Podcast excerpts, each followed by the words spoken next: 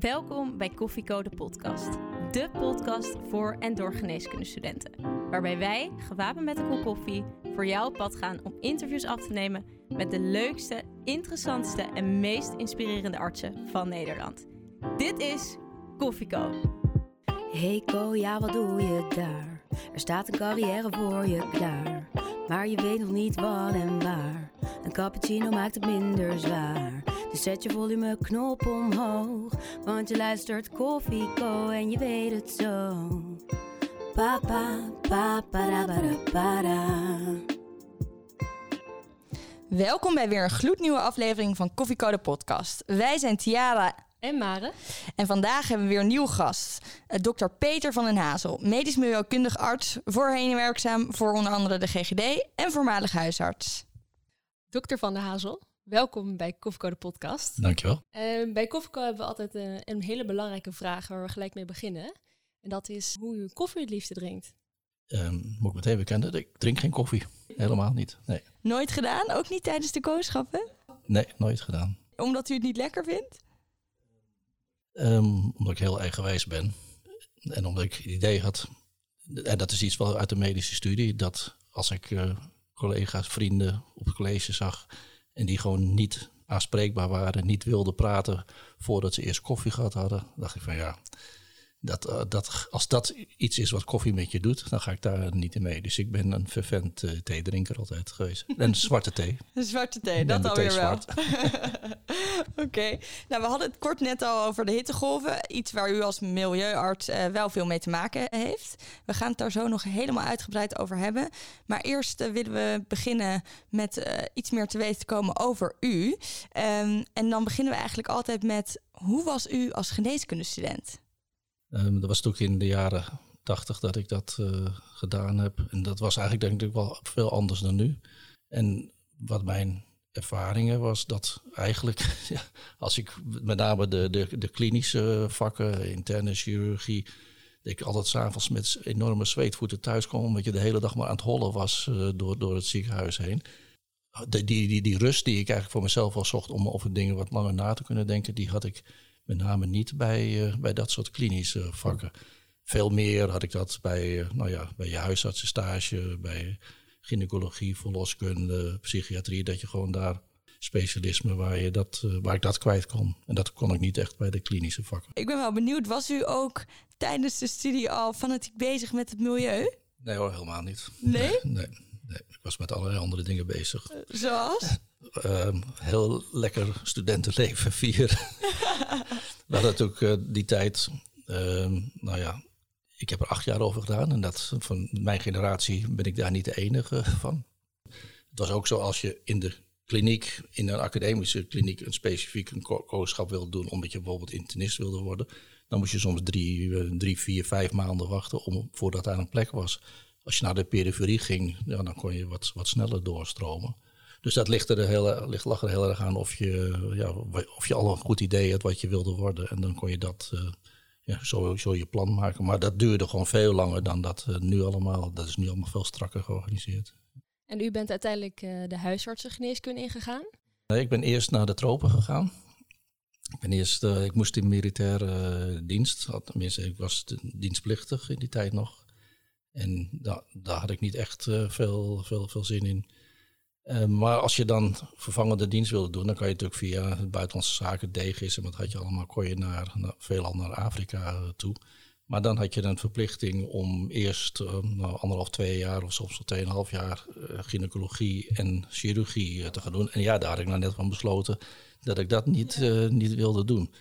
Dus ik ben zelf gaan zoeken naar, naar plekken in, in de wereld waar je, waar je kon, ja, misschien een, een baan kon krijgen.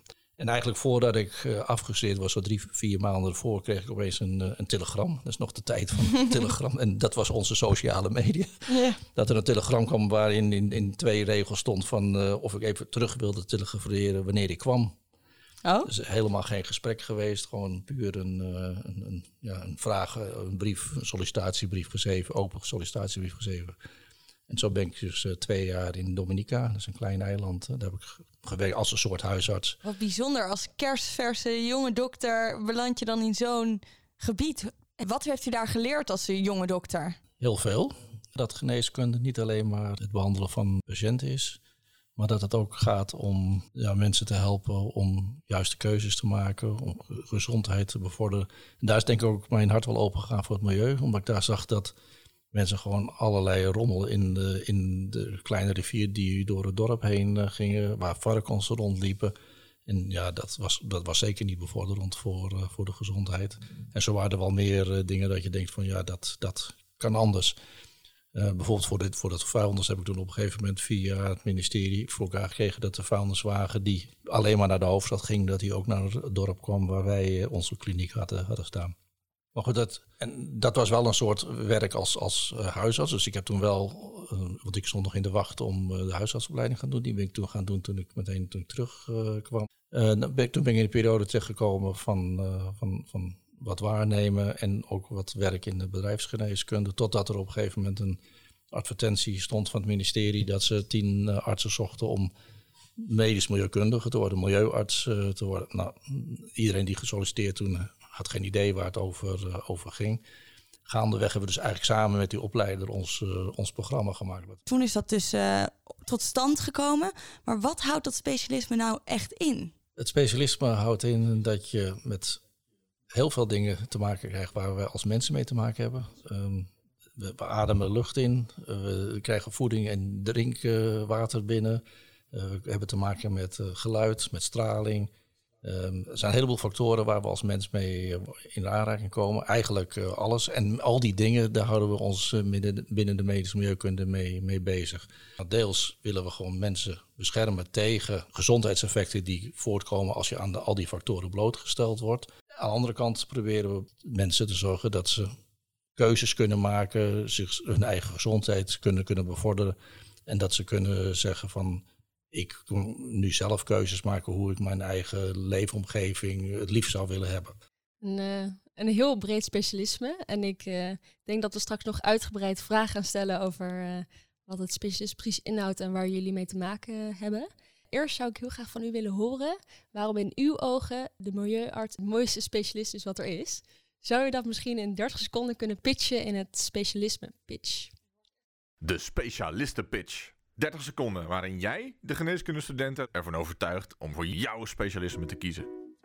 Ons vak is dynamisch, heel breed. We hebben met heel veel mensen te maken. Je kan zowel mensen genezen als voorkomen dat mensen ziek worden. Je hebt met beleidsmakers te maken. Je hebt met mensen te maken op de straat. Je hebt te maken met mensen in de ziekenhuizen. Je werkt samen met uh, de, de klinici. En dat vakgebied is daardoor elke dag anders. Je weet geen enkele dag met wat er die dag uh, op je bordje komt te liggen. En dat kan. En dan mag je zin afmaken. dat, dat, dat, is heel, heel dynamisch en heel, heel boeiend. En je kan ook heel erg je eigen, je eigen agenda bepalen van welke onderwerpen je belangrijk vindt. Of waarvan je de signalen die uit de maatschappij komen, dat je zegt van nou hier moet echt wat aan mee, mee gebeuren. Dat maakt het heel erg boeiend. Nou, ontzettend leuk. Um, u heeft het al een beetje voorbij uh, laten komen welke ziektebeelden um, u te maken mee heeft. Uh, maar ik ben wel benieuwd, wat ziet u het meest als milieuarts zijnde? Je kan je eigen agenda invullen, maar wat ziet u zelf het meest? Toch aan de meeste aan klachten binnenkrijgen zijn toch of mensen met, met lawaai-problemen, uh, mensen met luchtverontreinigingproblemen, mensen die te maken hebben met plekken waar ze bij bedrijven zijn waar nou, noem maar gerotzooid wordt met, met allerlei chemische producten. Dat kan, nou ja, je hebt het vorig jaar, de laatste paar jaren speelde dat uh, met uh, tevelpannen uh, en, en de spullen die daaruit voorkomen. Je ziet het met bestrijdingsmiddelen rondom of in de, in de landbouw. zo zijn er eigenlijk een heleboel ook plekken waar mensen wonen. Waarvan je zegt van ja, dit is eigenlijk niet goed. Of om dat bedrijf daar te hebben, of om die mensen daar te hebben. Wat, vroeger gebeurde, de bedrijfsterreinen ver buiten de steden lagen. Steden zijn uitgebreid, dus op een gegeven moment kwam dat weer, uh, kwam dat weer bij elkaar en woonden mensen toch weer naast en, en tussen, de, tussen de industrie. Um, asbest is een periode geweest dat we toch wel veel. Uh, en de piek van asbest die is nou rondom deze jaren dat mensen die in de jaren 50, 60, 70 blootgesteld zijn met een hele lange latentietijd, die nu nog mesotheliomen krijgen. Dus dat komt, uh, komt voor. We zien af en toe uh, kankerclusters. Mensen die in een bepaalde straat of een wijk op een gegeven moment een melding doen van nou we hebben nou zoveel mensen met kanker. Ja, dat kan vast niet goed zijn. Dat moet komen nou, van factor X uit de luchtverontreiniging of van een bedrijf. En daar eh, gaan we dan op in en dan gaan we kijken van of dit inderdaad uh, een, een, relatie kan hebben met een bepaalde milieufactor. Maar als ik u zo hoor, wij vragen meestal aan de andere artsen van met welke uh, andere artsen werken jullie samen. Maar u werkt eigenlijk ook heel veel samen met niet-artsen. Ja, het merendeel met niet-artsen. Ja, en dus het RIVM noemde u, maar bijvoorbeeld mensen als chemici? Of hoe moet ik me dat voor me zien? Ja, uh, ja dat, dat, dat, nou, daar kan een heleboel dingen op. Als je het over overheden hebt, is met de gemeente en met de provincie, want die zijn bevoegd voor bepaalde zaken in, in, de, in de leefomgeving, soms het Rijk. Het RIVM als onderzoeksinstelling, maar ook met de universiteiten. We hebben bijvoorbeeld binnen de meest milieukunde een academische werkplaats. Dat is dan een samenwerking tussen GGD en universiteiten, waar we onderzoek kunnen doen en waar we adviezen kunnen voorbereiden. Dus dat is een partij waar we mee samenwerken. Maar ook bijvoorbeeld met het, met het Longfonds, als, als we met patiëntengroepen wat uh, willen. Of met bedrijven, als er bijvoorbeeld een, er is een papierfabriek waar uh, heel veel stank uit voortkomt. Nou, dat je toch om tafel gaat met die papierfabriek van ja, uh, kan dat proces niet anders en wanneer is het nou? En is het überhaupt, komt het, komen de klachten die, van mensen, die door mensen genoemd worden, komt het inderdaad van, van het bedrijf af? En dat is een heel interessant uh, spel waar je soms ook echt in de, in de politiek terechtkomt. Want er zijn natuurlijk lokale overheden die heel graag willen dat een bedrijf daar blijft. Maar er zijn natuurlijk andere uh, mensen die zeggen van ja, maar dat is absoluut niet goed voor onze gezondheid. Om een voorbeeld te geven, was op een gegeven moment een projectontwikkelaar die wil een nieuw bedrijventerrein langs de snelweg bouwen. En die zei, oh dan om mensen dan uh, te lokken, of bedrijven te lokken, dan bouw ik er meteen een kinderdagverblijf bij. Nou, dat vond de burgemeester en de gemeente vond dat prima. Ja, dat is werkgelegenheid. Alleen die projectontwikkelaar had gezegd van ja, het, het goedkoopste stukje grond, daar zetten we dan dat kinderdagverblijf bij. En dat was het dichtst bij de snelweg. Ja, en dat kwam toen bij de GGD uh, terecht, waarvan we zeiden, ja, dat, dat vinden we dus absoluut niet goed. De luchtverontreiniging is daar zo hoog, dat is voor de kinderen niet goed. Nou, maar de burgemeester, ja, die, was, die was daar helemaal niet blij mee. En die zei van, ja, nee, maar dat werkgelegenheid, ik wil jullie rapport niet eens, uh, niet eens lezen. Dus dat... Uh, Lastig. en dan kom je in een soort spagaat te zitten tussen, over, tussen je eigen overheden en tussen de bevolking en, en onderzoeksinstellingen. Wow, je staan als milieuarts eigenlijk midden in de samenleving. Jullie ja. bemoeien met alle, ja. alle factoren ja, die erbij komen. Ik weet niet of jullie de discussie over kunstgras, hè, over sportvelden. Daar hebben we het ook midden, midden in gestaan. Van uh, wat, wat, wat, speelt nou wel en wat is niet en wat is wel gezond. En dan zie je dat er, en dat is wel het interessante. Het is nooit één verhaal, hè, want er zijn een heleboel verschillende soorten kunstgras. Er zijn een heleboel verschillende vormen van waaraan uh, kinderen of mensen die daar gebruik van maken kunnen worden Zeker, ja. En, en, dat is wat lastig, dat in de, in de media wordt alles natuurlijk heel erg ja, ge, gecentreerd op één, op één probleem wat het meest aansprekend is en wat het ergste is. En ja, ja dat is, dat is, nou ja, dan zit je in, inderdaad midden in de samenleving met, uh, met allerlei problemen. En waar ik straks aangaf, elke dag uh, weet je, kan er, kan er weer iets, iets nieuws uh, gebeuren. Ja, wat, wat ik me ook heel erg afvraag, jullie houden je eigenlijk met elke factor houden jullie bezig die betrekking heeft op het op menselijk lichaam en onze gezondheid. Maar hoe, hoe kunnen jullie alles weten? Ja, nou, het punt. Um, ja, we, gedwongen zijn we generalisten omdat we met zoveel onderwerpen te maken krijgen. Um, en als je de literatuur voor ons wil bijhouden, dat is gewoon echt niet te uh, doen. Dus je ziet ook wel dat bij die eerste groep en ook nu de vervolggroep van uh, milieuartsen, dat die allemaal wat gesubspecialiseerd zijn. Hè. Afhankelijk, wij hadden in ons gebied hadden veel asbestproblemen. Dus ik wist op een gegeven moment veel meer van asbest dan op plekken waar het veel minder voorkwam. Um, ik heb me heel erg altijd verdiept in uh, de gezondheidseffecten van, van kinderen, of zelfs ongeboren kinderen van uh, allerlei milieufactoren. Dus dat was gedwongen dat je dan wel wat meer ging variëren landelijk. Ons netwerk was zo klein. En we kwamen elke week sowieso landelijk, uh, elke zes weken bij elkaar om, om casuïstiek en zo te bespreken. De saamhorigheid in zo'n kleine groep is als specialisme ook heel erg, heel erg leuk. Iedereen kent iedereen en iedereen helpt elkaar. En dan kon je gewoon zeggen van ja, ik zit daar en daar mee. God, uh, weet jij dat, hoe, hoe we dat uh, het beste kunnen doen. Dus dat... Want ik had begrepen dat jullie maar met 17 milieuartsen zijn in Nederland. Op het ogenblik. En er zijn er of zes in opleiding. Hoe krijg je dat voor elkaar? Waar haal je hulp vandaan? 17 en dan moet je al deze dingen onder handen nemen. Ja, dat lukt dus ook niet. Nee. Je kan, we zouden veel meer eh, doen. En dan zien we soms dan weer eens in de krant van eh, dat er weer ergens een probleem is geweest. En dan zeggen we van, bijvoorbeeld is er weer een biomassa-centrale of zo, waarvan, nou, waar de verkeerde spullen in gestopt worden. En dan lezen we dat uit de krant. En dan is er niemand eh, die ons gevraagd heeft. nee. En aan de andere kant denken van ja, nou ja, dat had ook, ja, had ook niet, had ook niet gekund dat we alles, alles beantwoorden. Want het is gewoon, zijn gewoon veel te veel vragen. Dus je zou eigenlijk veel meer willen, willen doen. Ehm, je, je, zou ook veel meer um, medici op willen leiden. Gewoon veel meer dat ze in ieder geval de basiskennis hebben van, uh, van ons vakgebied. En als ze er niet uitkomen, om dan bij ons uh, terecht uh, te komen. U zei in het begin al dat jullie dat niet meer haalbaar is voor jullie om echt op individueel niveau te werken. Ziet u nog wel patiënten? Nou, heel af en toe als ze gewoon de, de niet-medici collega's een, een casus hebben waarvan ze zeggen van ja, daar speelt zoveel andere medische dingen, ook onderliggend lijden. En, en heeft dat nou invloed op datgene waar die mensen vragen over hebben, um, dan springen we dan wel eens in om een gesprek te hebben met. met, met. Want uh, stel, hè, ik, ik ben nog geen dokter, maar stel ik ben dokter, ik ben werkzaam op de spoed en er komt iemand, ja, ik weet niet of dit ook onder jullie tak valt, maar iemand waar over zuur heen is gegooid. Um, moet ik dan de milieuarts bellen?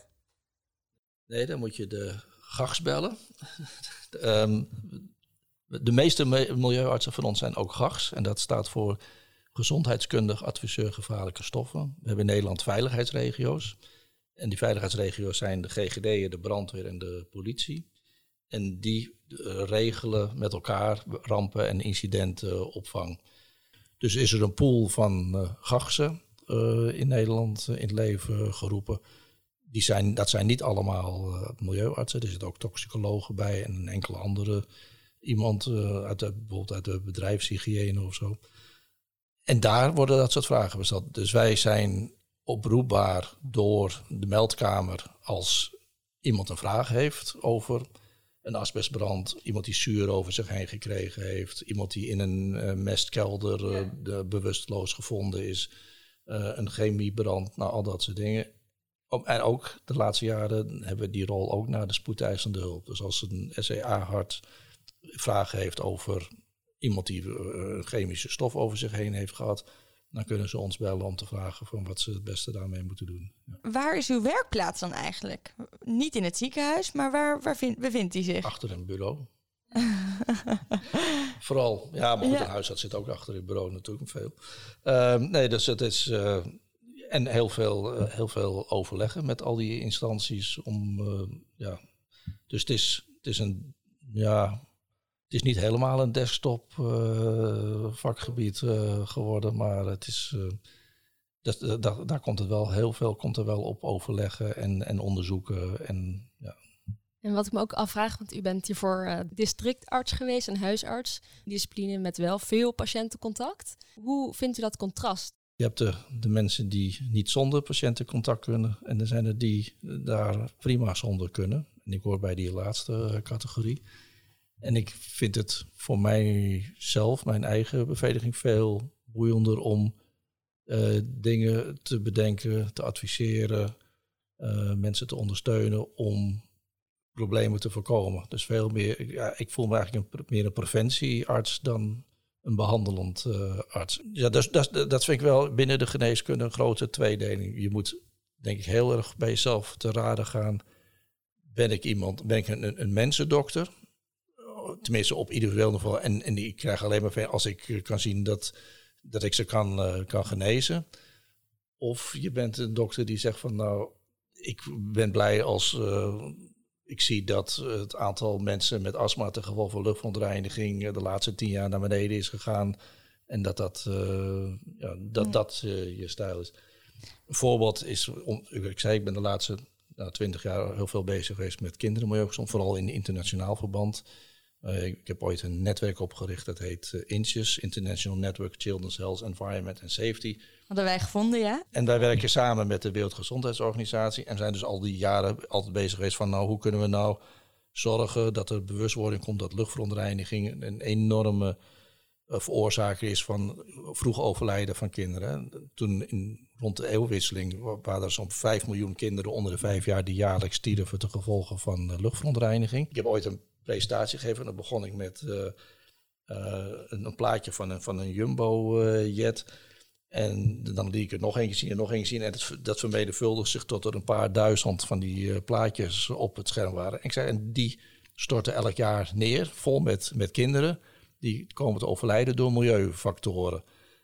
En ik zeg, die staat nooit in de krant. Er staat nooit, uh, vandaag is er weer een, een Jumbo-jet. Nou, en het was niet, niet elke dag. Het was echt om, de, nou, om het kwartier of zoiets. Zoveel kinderen gaan er uh, aan milieufactoren dood. Nou, dat is voor mij altijd een enorme drijfveer geweest om hiermee ja. bezig te zijn. En u noemt uzelf wel ook wel eens de leefstijlarts. Leg uit. Nou, dat is, heeft, dat is de laatste jaren dat wij steeds meer zeggen van omdat we verschoven zijn naar meer het beschermen van mensen. Bijvoorbeeld de laatste jaren ben ik redelijk veel bezig geweest ook met projecten om steden te vergroenen. Hoe ga je nou zorgen dat steden, steden groener uh, worden?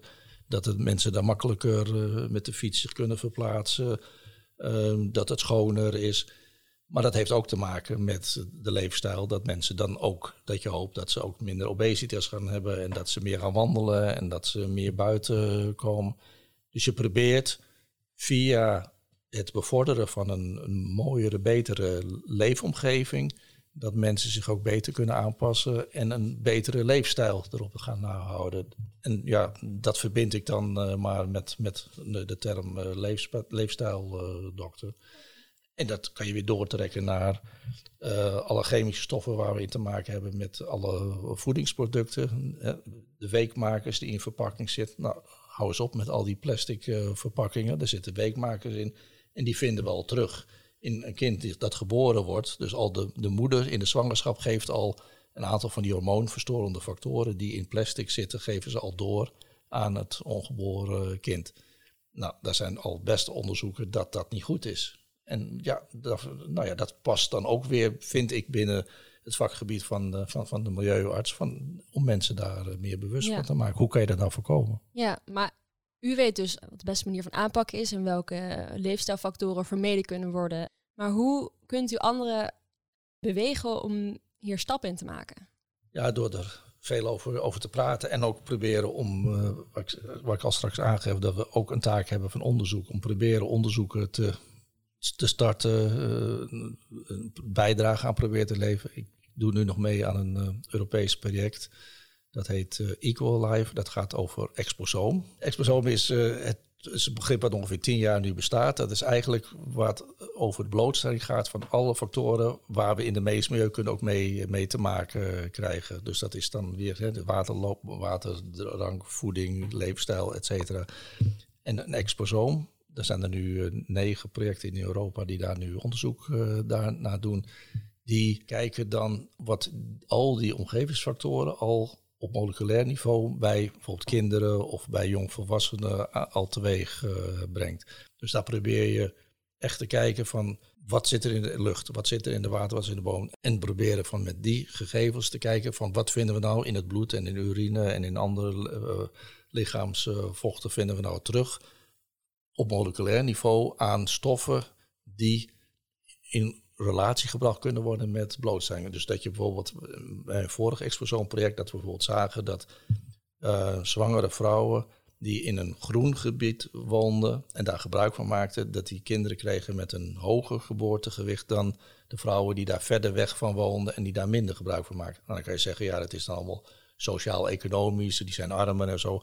Nou goed, als je daar dan allemaal voor correleert, of voor corrigeert, dan zie je het nog steeds dat dat soort effecten uh, optreden. En maar is dit niet eng om allemaal te weten?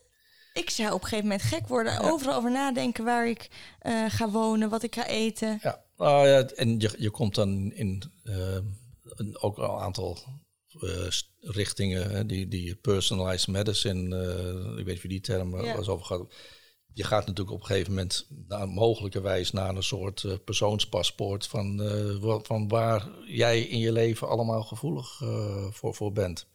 Past u uw leven daarom ook veel aan door uw werk? Nou, ik maak me niet zo gauw gek, maar ik ben wel iemand die eh, veel minder vlees is gaan eten, bijvoorbeeld. Ja. En om helemaal terug te komen naar het begin.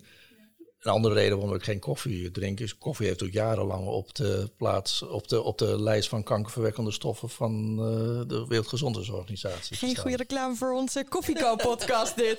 Nee, misschien moet je koffie en thee podcast van. Heel goed. Nee, ik, uh, ik begrijp dat u heel veel, uh, heel veel kennis heeft en dat u dat ook graag wil overbrengen. Nu zijn het al dat er nu zeven uit mijn hoofd, zeven, zes, zes artsen in opleiding zijn. Ja, ja sinds uh, dus een paar jaar geleden is besloten dat voor de sociaal-geneeskundige vakken, jeugd- gezondheidszorg, uh, infectieziekten, het landelijk werkgeverschap kwam. Dus dat betekent dat voor ons vakgebied we elk jaar twee mensen, twee nieuwe mensen mogen aannemen om uh, in opleiding te gaan. Geweldig. En hoe ziet zo'n opleiding er dan uit? Ja, erg uh, vergelijkbaar met wat wij hadden. Dus heel veel verschillende vakken. De toxicologie, epidemiologie, maar ook uh, public health, public health management, uh, risicocommunicatie, nou, noem maar op. Dus dat en heel veel inhoudelijke dingen. Um, en zij doen er ook drie jaar over, maar heel veel ook met in, in, door middel van stage. Bijvoorbeeld, we hebben vorig jaar iemand aan negen maanden bij onze GGD gehad. Die is nu weer naar een andere GGD en die gaat straks nog weer naar een andere organisatie toe. Dus die de drie jaar worden eigenlijk continu gevuld. En vindt u het noodzakelijk dat degenen die in opleiding komen een geneeskundeopleiding hebben? Of denkt u dat er is er niet meer potentie voor andere studies om ook deze opleiding te doen? Ja, nou ja, ik zeg, we zijn in de minderheid vergeleken met de milieugezondheidskunde, de milieuwetenschappers en, en andere disciplines die bij GGD werken en die bijvoorbeeld milieuwetenschappen gestudeerd hebben. Dus een heleboel dingen kan je vanuit die disciplines doen. En daarom werken we ook gewoon echt allemaal als een hecht team uh, werken we samen. Maar er zijn gewoon net een aantal dingen waar het gewoon heel erg handig is als je een differentiaaldiagnose kan stellen of kan begrijpen wat uh, medisch uh, of toxicologisch aan, aan de hand is of wat er speelt. Dus met name in die patiëntencontact en ook in die rol van die GAGS, gezondheidskundige adviseur gevaarlijke stoffen, daar speelt dat wel en dan, dan moet je gewoon medische kennis hebben. Maar goed, dat is wel eens een ja, wel eens onduidelijk hè, van wat is nou alleen voor ons als artsen en wat is voor anderen. Maar dat zie je natuurlijk in een heleboel andere gebieden ook, uh, waar disciplines. Het is allemaal, we zijn echt een multidisciplinair uh, terrein bezig. Maar hoe heet de opleiding dan? Uh, het is allemaal, tegenwoordig heet het allemaal artsmaatschappij en gezondheid. Ja. En dan maak je een splitsing, een specialiteit. En dan kan je infectieziekten of okay. tuberculose of medisch milieukunde. Nee, duidelijk. Oké. Okay. Um, afgelopen jaren is er al meer vraag naar? Of merken jullie nog steeds dat nog steeds weinig mensen ervan af weten?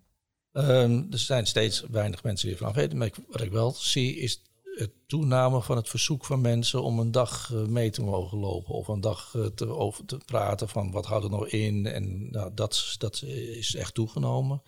En je ziet ook dat gewoon nu voor die paar plekken die er zijn, dat er wel meer kandidaten uh, waren. Het wordt wat bekender. Ja. De co-telefoon. Ja, de co-telefoon die gaat altijd af uh, op het moment dat het niet uitkomt, zoals in het echt. Um, de co-telefoon is een vraag ingestuurd door een van onze luisteraars. En wij hebben dat onderwerp ook nog niet aangestipt, dus ik denk dat het een mooie aanvulling zou zijn. Want uh, Asa Lirik, die vraagt zich af, kun je ook in het buitenland werken als milieuarts?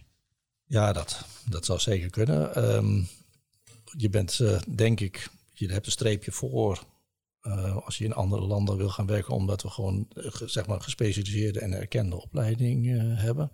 In andere landen zijn nog steeds vaak, bijvoorbeeld in Noorwegen zijn het vaak nog de huisartsen of de huisartsen of de artsen die bij GGD werken die het erbij doen. Alleen denk ik, en dat is het ook ons, bij ons toen in de opleiding gezegd, toen wij in de opleiding gingen, van dat de opleiders zijn van realiseren jullie wel dat jullie zijn eigenlijk zo bijzonder mensen dat uh, jullie gewoon blijven zitten waar je zit. Want ja. We hebben jullie nodig. Ja, toch? Ja, nee, zeker. Dus er is eigenlijk, eigenlijk is er niemand vertrokken van die oorspronkelijke groep die naar een andere baan is uitgeweken. En uh, in combinatie met uw werkzaamheden als milieuarts bent u ook uh, actief in de politiek, hebben we begrepen. U bent raadsvolger bij GroenLinks. Is zoiets onvermijdelijk als milieuarts om in de politiek te gaan? Nee, nee, want volgens mij van de hele groep ben ik de enige die dat, uh, die gedaan En ik is ook toevallig, ik ben er uh, voor, voor gevraagd om daar uh, wat te doen. En eigenlijk ja, doe ik daar als je de politiek eh, lokaal ook zelf wat doet, is het altijd heel lastig om eh, op je eigen vakgebied te doen. Dat wil men eigenlijk ook niet. Hè? Niemand wil eigenlijk dat je, je eigen, met je eigen specialisme bezig bent in, in de politiek, omdat je dan nou, misschien af en toe door zou draven en dat niemand meer kan volgen waar je het over, over hebt. Dus eigenlijk ben, ben ik meer met andere dingen daar, daar bezig. Dus het is niet onvermijdelijk en het is ook niet, absoluut niet noodzakelijk. Ja, we hebben nu enorm veel gehoord over uw werkzaamheden als milieuarts ik vraag me heel erg af, welke van al die milieufactoren die we hebben besproken, zou u het liefst in de toekomst het hardst aan willen pakken?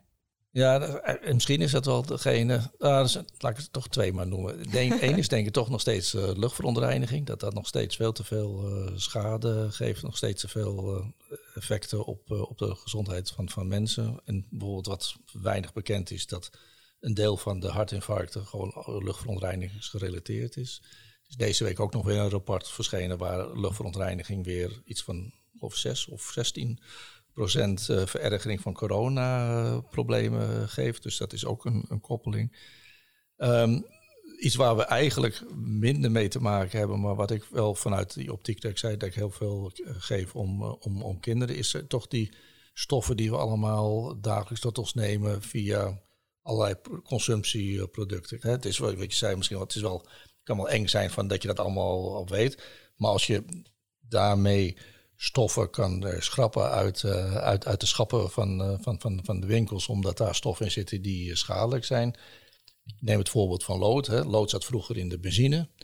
En heel veel kinderen met loodvergiftigingen. En in een aantal landen is dat nog steeds het, het geval vorig jaar hadden we toch weer hier in Nederland gerealiseerd dat er nog steeds heel veel woningen zijn waar lode leidingen in lopen, met name in grote woningencomplexen.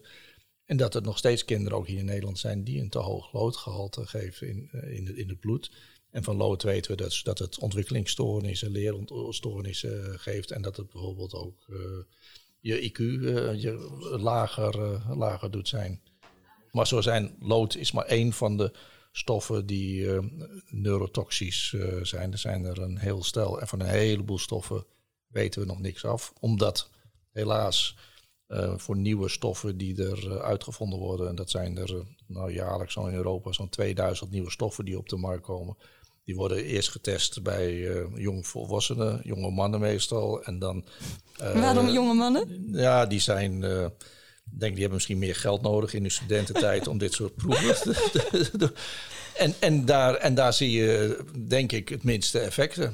Want ze zijn natuurlijk bang dat er toch iets gebeurt als je mensen op medicijnen, als je wat geeft. Dus dat is dan de groep waar ze denken, nou, die is het meest, minst kwetsbaar. Ja. En, nou ja, maar dat betekent dat het daar ook daarna vaak, en na dierproeven dan, dat het daar dan ook vaak bij, bij ophoudt.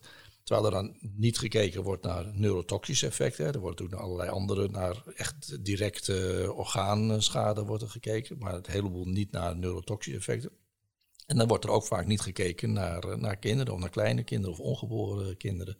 Dus onze verwachting is dat er nog tientallen of honderden, misschien wel duizenden stoffen zijn waar er neurotoxische effecten bij kinderen kunnen optreden ten gevolge van producten die we in ons dagelijks leven tot ons nemen.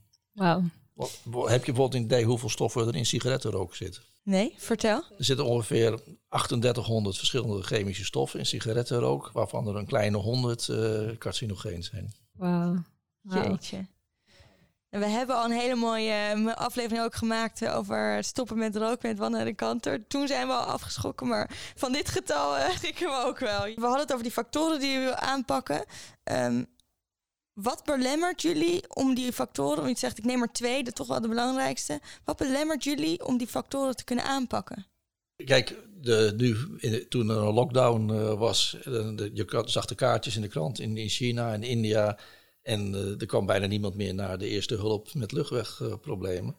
dus de aanpak is ja, een heleboel dingen, verkeer en in ieder geval schoner maken, bedrijven schoner maken. En dat geldt zeker in, in landen waar het nog echt uh, heel erg vies is. Maar ook hier uh, zagen we gewoon veel minder, veel minder luchtverontreiniging. Dus het is een aanpak, een, een, een, een duurzame maatschappij zien te, zien te creëren. Waarbij we veel minder uh, verontreiniging produceren. En wat ik me ook nog heel erg afvroeg, want nu met de coronacrisis, dat bijvoorbeeld alle luchtvaartmaatschappijen zijn gestopt met vliegen. toen had iedereen het over, is dit niet het moment voor een reset? Laten we werken aan een, schonere lucht. En uiteindelijk is dat toch niet gelukt. Was er een mogelijkheid om hier een verandering in te brengen? Ja, dan, dan, dan kom je in een ander soort podcast terecht, denk ik. Waar, waar je het gewoon over een, dat je het over een uh, maatschappelijke verandering hebt. Waarbij je zegt van we moeten gewoon veel minder allerlei spullen vervoeren. Uh, hou dingen meer, meer regionaal. Uh, zodat die belasting op, op, dat, op die verontreiniging ten gevolge van transport veel minder wordt. Maar het is ook heel lastig om. Dat, dat, dat heeft dan misschien ook weer een beetje te maken met waar we straks over hadden: van de leefstijl.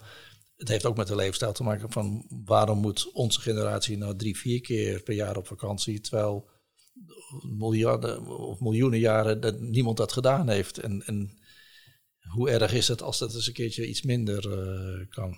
Dat geldt voor dat, dat geldt voor vleesconsumptie, dat geldt voor uh, nou ja, alles. Genoeg werk aan de winkel. Ja, deze podcast kan denk ik uren doorgaan. Het is zo interessant. Ik had geen idee dat de milieuarts zo in de maatschappij stond en met zoveel verschillende dingen bezighoudt. Ja, maar we moeten toch een beetje naar het, ja, naar het einde, uh, voordat de regenbui naar beneden druipt. Ik wil gewoon iets meer weten van uzelf. U bent net met pensioen. Hoe ziet het uh, gepensioneerde leven eruit? Uh, nou ja, dat ik nu nog twee Europese projecten doe, waarvan eentje nog vijf jaar uh, doorgaat. Dus daar kan ik absoluut alles mee kwijt. Ik zit in uh, uh, de International Society of Doctors for the Environment, en waar ik volgend jaar weer opnieuw uh, voorzitter. Ik ben president of HEAL, Health and Environment Alliance. Dat is een NGO die in Brussel zit om op het gebied van milieu en gezondheid de, de, EU te bestoken. Um, ik zit in de Nederlandse Vereniging voor Medische Milieukunde. Ik leid uh, Inches. U bent niet met pensioen, ik ben, Nee, nee, ik ben eigenlijk... Uh, en ik pas nog één dag op op mijn kleinzoon. En dat is, uh, nou, dat is ook heel erg leuk. En wat doet u naast al uw projecten en het oppassen? Heeft u nog een hobby? Ja, ik ben weer begonnen met, met olieschilderen. Dus, oh, wow. dus ja, ik ben hele mooie dingen aan het maken. En daar sinds nou, twee, drie maanden ben ik weer volop daar, dan volop. Ja, goed, in, in de wat vrije tijd die ik nog tussendoor heb, ben ik daar heerlijk mee bezig. Heerlijk, hele leuke. Ik had in de studententijd heb ik dat ook gedaan en ik heb het nu weer opgepakt. En ik zie het dan meteen voor me dat u landschappen aan het uh, schilderen bent. Is dat dan ook zo? Of, Nee, er is, er is een, een hele bekende Chinese schilderes die in Nederland woont. En die maakt schilderijen van tafels die vol met glazen en flessen staan en na een feestje. En dan zie je helemaal niks. Dan zie je zo deze tafel en dan alleen maar een mooi tafelkleed erop, en flessen en een mooie zonlicht erop. Kunnen we deze ook ergens bezichtigen van u? Of, uh... Van mij ja hoor, maar je kan beter ja. naar de, de, de, echte schilderes die dit uh, uitgevonden heeft. Die zit in, in Amersfoort. Dus, Oké, okay, uh... nou we, gaan we gaan een kijkje nemen. We zijn bij ons laatste item beland. dat is namelijk het doktersdilemma. En in het doktersdilemma geven we u twee opties en dan moet u er eentje kiezen. Het doktersdilemma. Het leven bestaat soms uit lastige keuzes. Denk niet te lang na en geef snel antwoord. Altijd koud of altijd warm? Altijd warm. Nooit meer vliegen of vegetarisch? Vegetarisch. Gestrest of relaxed? Relaxed. Tien jaar lang doorwerken of vroeg met pensioen? Tien jaar lang doorwerken. Onderzoek of politiek? Onderzoek. Spaghetti of noedels? Spaghetti. In Nederland blijven of naar het buitenland emigreren? Nederland blijven. Dieren of planten? Dieren. Dansen of zingen? Zo, zingen. Radioloog of longarts? Uh, radioloog. Haantje de voorste of kat uit de boom? Kat uit de boom. Dat was hem. Wow. U was best wel snel. En vastberaden ook. Ja, zeer wel vastberaden. Ik, ik vind het altijd leuk om te horen. De je dezelfde keuze... rijtje altijd? Nee, nee, we doen altijd iets anders. Ja, ik ben wel benieuwd, want um, radioloog of longarts? En nu koos radioloog. Terwijl, ja, we hebben toch wel veel over asbest gehad. Ja. Dus ik had de longarts verwacht. Was het een moeilijke keuze? Nou, dat was intuïtief. ja, ik heb, ik heb niks met organen. Nee, oké. Okay. Um, en welke hadden we nog meer? Nooit meer vliegen of vegetarisch? En toen koos vegetarisch. Ja, u bent al bijna vrijwel vegetarisch, ja. noemde u al een beetje. Ik hoop dat er gewoon elektrische vliegtuigen kopen, zodat ik ook voor die ja. Europese projecten nog af en toe naar congressen en naar... Uh... Maakt u wel eens de afweging? Ga ik naar een congres? Ja, ik wel mee. Nou, of met de trein ga ik.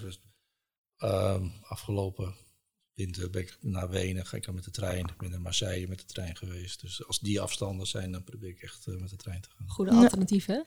Ja, ja ik vind het, dat, nou ja, je had straks over van, moet er niet wat meer gedaan worden? En je had het over, over vliegen. Een van die dingen is natuurlijk wel van dat we als maatschappij gewoon veel meer uh, dat soort uh, vervoersmiddelen moeten promoten. Dat kan natuurlijk heel goed om veel meer treinen in heel Europa in, in te zetten. Ja ik vind het wel belangrijk om na dit interview um, de jonge artsen een beetje een boost te geven. Dus wat vindt u het allerbelangrijkste om te weten als jonge arts zijnde over het milieu?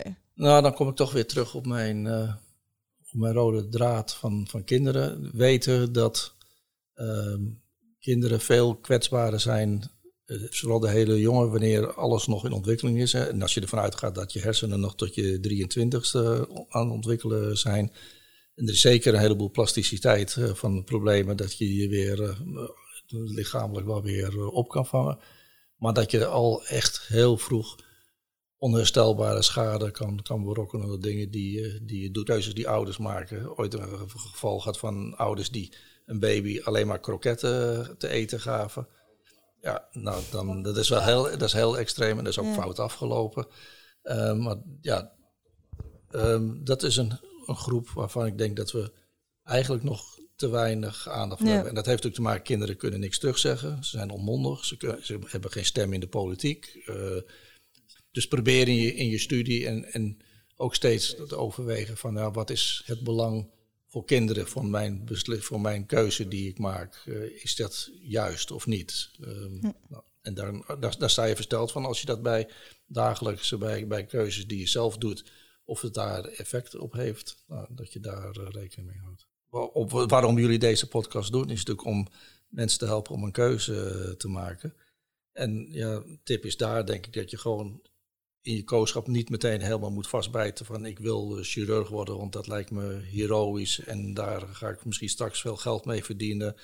Maar maak een, uh, maak een wel overwegen keuze die een afspiegeling is van je eigen persoon je eigen persoonlijkheid. En, en ik denk dat je dan het langer volhoudt als je een keuze maakt van waar je zelf uh, blij van wordt.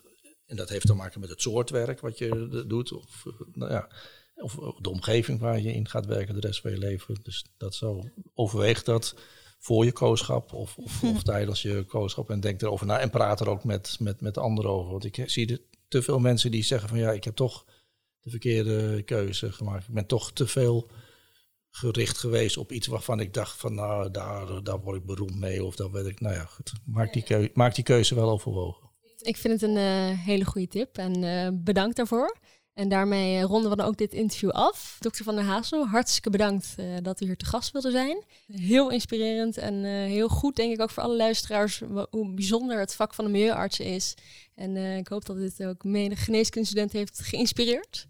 Oh ja, en misschien nog een, een ander tip is, klop eens bij ons bij de Nederlandse Vereniging voor Medische Milieukunde aan. En, en misschien dat we daar gewoon met veel jonge artsen, in ieder geval door ze te blijven informeren, een, een, een steun in de rug kunnen zijn in hun verdere medische carrière. Om in ieder geval een soort bewustzijn uh, te, te, ja, op te bouwen rondom hun eigen leefomgeving en rondom de leefomgeving van hun patiënten.